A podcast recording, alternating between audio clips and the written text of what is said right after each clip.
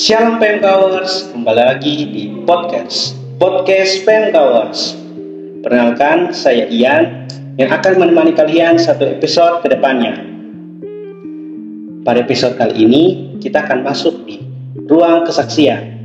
Nah, ruang kesaksian ini merupakan suatu wadah yang disiapkan bagi anggota PMK FPBUH yang ingin membagikan cerita kesaksiannya. Nah, tanpa berlama-lama lagi, saya akan mengundang salah satu narasumber kita yang ingin membagi kesaksiannya. Halo Kak Yunita. Halo Ian. Halo juga Kak. Uh, bagaimana kabarnya Kak? Puji Tuhan baik. Kalau Ian sendiri gimana kabarnya? Puji Tuhan baik juga Kak.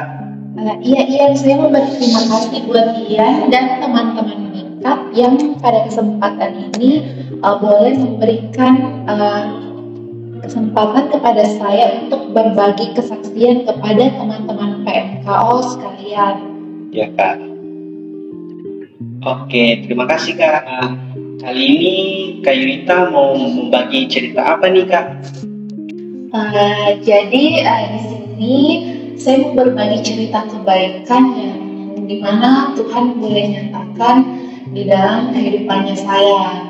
Uh, mau cerita sedikit itu pas uh, awalnya ditanya kesediaannya sama ia sendiri tuh kayak saya agak bingung ya karena disuruh memberikan kesaksian uh, kebaikan Tuhan karena uh, menurut saya dan bahkan mungkin ia juga setuju teman-teman semua setuju kalau setiap detik itu Tuhan baik dan apa pun kebaikan Tuhan itu kita harus bagikan dan semoga apa yang nanti saya akan bagikan ke teman-teman dalam episode kali ini itu boleh berguna bagi teman-teman ya.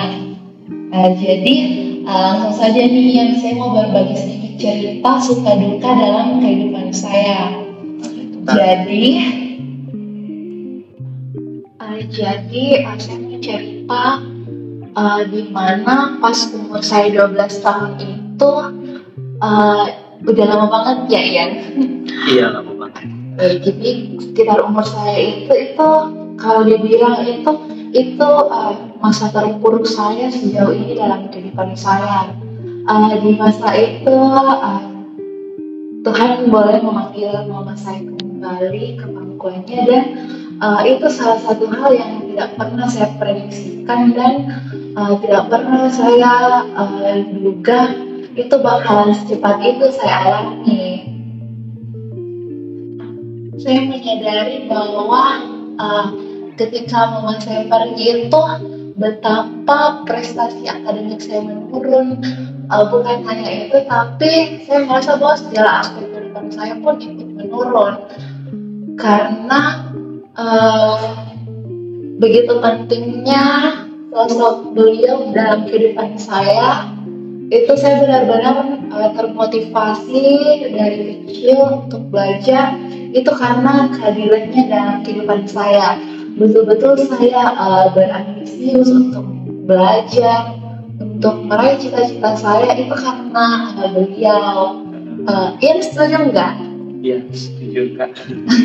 Iya uh, kehadiran kepergiannya itu betul-betul kayak membuat saya down tapi uh, satu hal yang boleh saya syukuri bahwa Tuhan tak pernah meninggalkan saya. Uh, kalau Tuhan boleh izinkan uh, uh, mama saya pergi, uh, masih ada sosok papa saya. Nah, uh, waktu mama saya ini masih ada itu interaksi saya sama papa saya itu bisa dibilang uh, agak minim ya, kami. Kurang uh, Iya, iya betul, iya jadi kami tuh berinteraksi tuh kalau misalnya lagi ada hal yang perlu aja buat dibicarakan tapi uh, mungkin papa saya lihat waktu mama saya udah nggak ada kayak uh, kayaknya ini anak butuh butuh saya gitu butuh saya di setiap waktunya di setiap apa pun uh, saya. Oleh karena itu saya menyadari bagaimana papa saya uh, terus mencoba untuk hadir dalam uh, setiap aspek kehidupan saya yang dari dulunya itu uh, mungkin cuma nanya kayak udah makan sekarang tuh uh, bakalan nanya uh, mau ngapain lagi, uh, gimana ini ininya. Pokoknya dia berusaha untuk terlibat dalam setiap aspek kehidupan saya. Jadi kehidupannya Kak Yun setelah itu bagaimana Kak?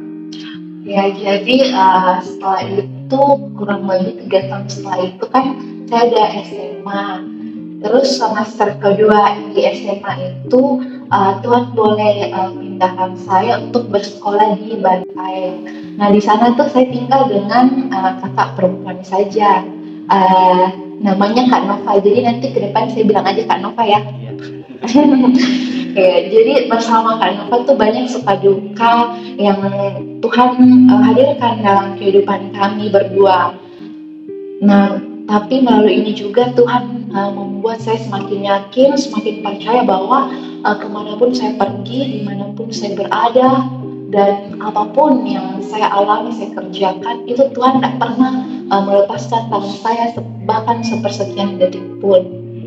Uh, jadi uh, saya sama Kak Nova ini boleh dibilang cukup dekat ya.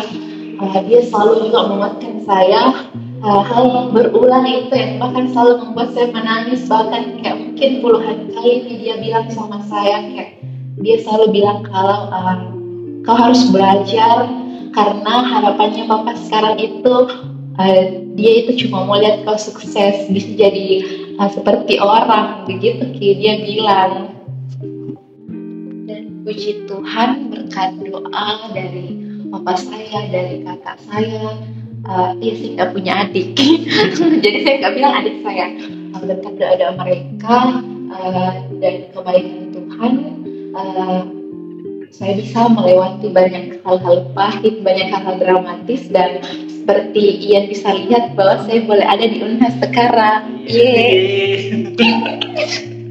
dan bahkan puji lagi nama Tuhan, saya sudah semester 8, Tuhan boleh lancarkan dari semester 1 dan sampai sekarang itu dan uh, meskipun sekarang mungkin saya lagi di tahap-tahap susahnya dia sedang mengerjakan tugas akhir yaitu skripsi uh, saya tidak pernah merasakan uh, bahwa Tuhan meninggalkan saya. Saya selalu uh, merasakan bahwa Tuhan hadir dalam setiap uh, apa yang saya kerjakan setiap bagian skripsi saya sekarang ya jadi uh, mungkin terakhir ini um, dari apa dari segala hal yang boleh terjadi dalam kehidupan saya itu uh, betul-betul membuat saya mengerti dan merasakan bahwa ini Tuhan itu tidak pernah membiarkan saya.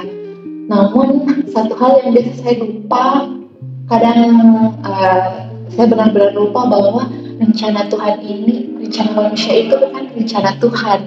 Jadi kayak kita itu boleh merencanakan, tetapi sesungguhnya Tuhanlah yang uh, kehendak Tuhan lah yang menjadi. Namun uh, setelah melalui segala hal itu, saya boleh memahami bahwa rencana Tuhan yang terjadi dan apa pun rencana Tuhan itu itulah yang terbaik bagi saya. Begitupun juga bagi Ian. Uh, saya mau sharing satu ayat Alkitab, boleh nggak ya? Boleh kak. Iya. Jadi uh, ini satu ayat yang mungkin relate dengan apa yang sudah saya bagikan. Uh, dari Yeremia 29 ayat 11 itu bunyinya sebab aku ini mengetahui rancangan-rancangan yang ada padaku mengenai kamu. Demikianlah firman Tuhan yaitu rancangan damai sejahtera dan bukan rancangan kecelakaan untuk memberikan kepadamu hari depan yang penuh harapan. Haleluya. Nah itulah dia kesaksian dari Kayunita yang sudah membagikan kesaksiannya pada episode kali ini.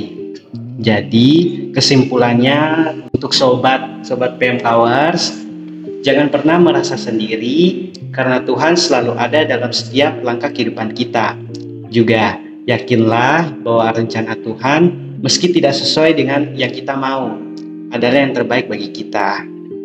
Jangan lupa nantikan episode selanjutnya dengan tema-tema yang menarik dan narasumber yang keren-keren. Nah, seperti biasa di akhir episode ada pantun nih. Apa tuh ya? Ada seorang murid sedang bertanya. Cakep. Menarik yang dijawab, oleh sang guru. Cakep. Kasih Tuhan tak terkira harganya memberkati kita di setiap waktu. Cocokis. Shalom. Shalom.